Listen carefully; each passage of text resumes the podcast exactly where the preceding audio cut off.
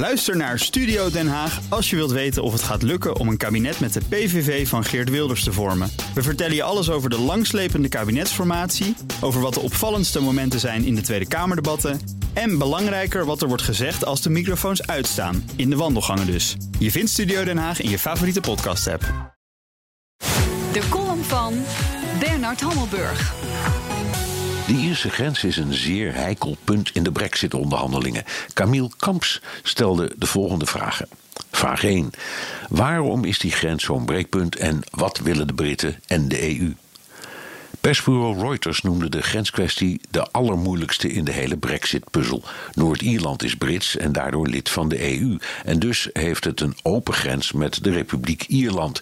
Door Brexit zou Noord-Ierland geen deel meer uitmaken van de EU, maar Ierland wel. Dat betekent een ouderwetse gesloten grens zonder vrij verkeer van mensen en goederen en met douane. Als het vrije verkeer ergens belangrijk is, is het juist daar, omdat het onderdeel uitmaakt van het Goede Vrijdag akkoord dat in 1998 een einde maakte aan de Troubles, de burgeroorlog tussen de pro-Britse protestanten en de pro-Ierse katholieken. Vraag 2. Komt het Goede Vrijdagakkoord werkelijk in gevaar als er een harde grens komt? Iedereen houdt zijn hart vast. Formeel regeren de oude vijanden nu samen, maar de vrede is flinterdun en er zijn nog steeds verontrustende ongeregeldheden. Een harde grens zou rampzalig zijn. Vraag 3. May wil geen harde grens, maar als ze controle over de instroom van personen uit de EU wil, is een harde grens tussen Ierland en Noord-Ierland toch sowieso noodzakelijk? Helemaal mee eens, het is een gruwelijke spagaat. Ze praten nu over een grens die formeel hard is, maar van zo geavanceerde immigratie- en douaneapparatuur is voorzien dat je er heel snel door bent. Maar inderdaad, na Brexit zijn Ieren volledig vreemdelingen die niet meer voor onbepaalde tijd naar Brits gebied kunnen en andersom. Vraag 4. Wat is de invloed van de Noord-Ierse unionisten in May's regering op de onderhandelingen? May na de blamage van het verlies tijdens de afgelopen verkiezingen alleen een meerderheid vormen door een coalitie met de unionisten. Die hebben haar gered, maar legde ook een tijdbom onder het Brexit-verhaal.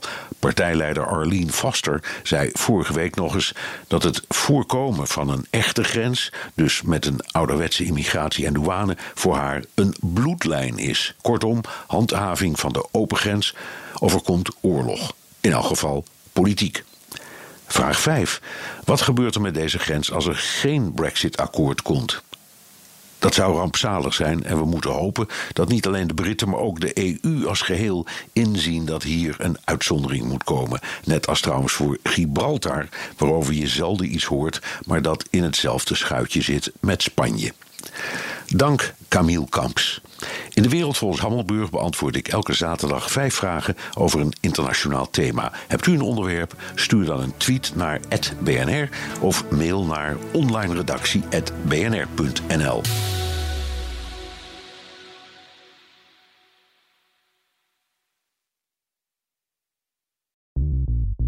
Bij BNR ben je altijd als eerste op de hoogte van het laatste nieuws. Luister dagelijks live via internet. Bas van Werven. En heel langzaam komt de zon op rond dit tijdstip. Je krijgt inzicht in de dag die komt op BNR, het Binnenhof in Nederland en de rest van de wereld. De Ochtendspits. Voor de beste start van je werkdag. Blijf scherp en mis niets.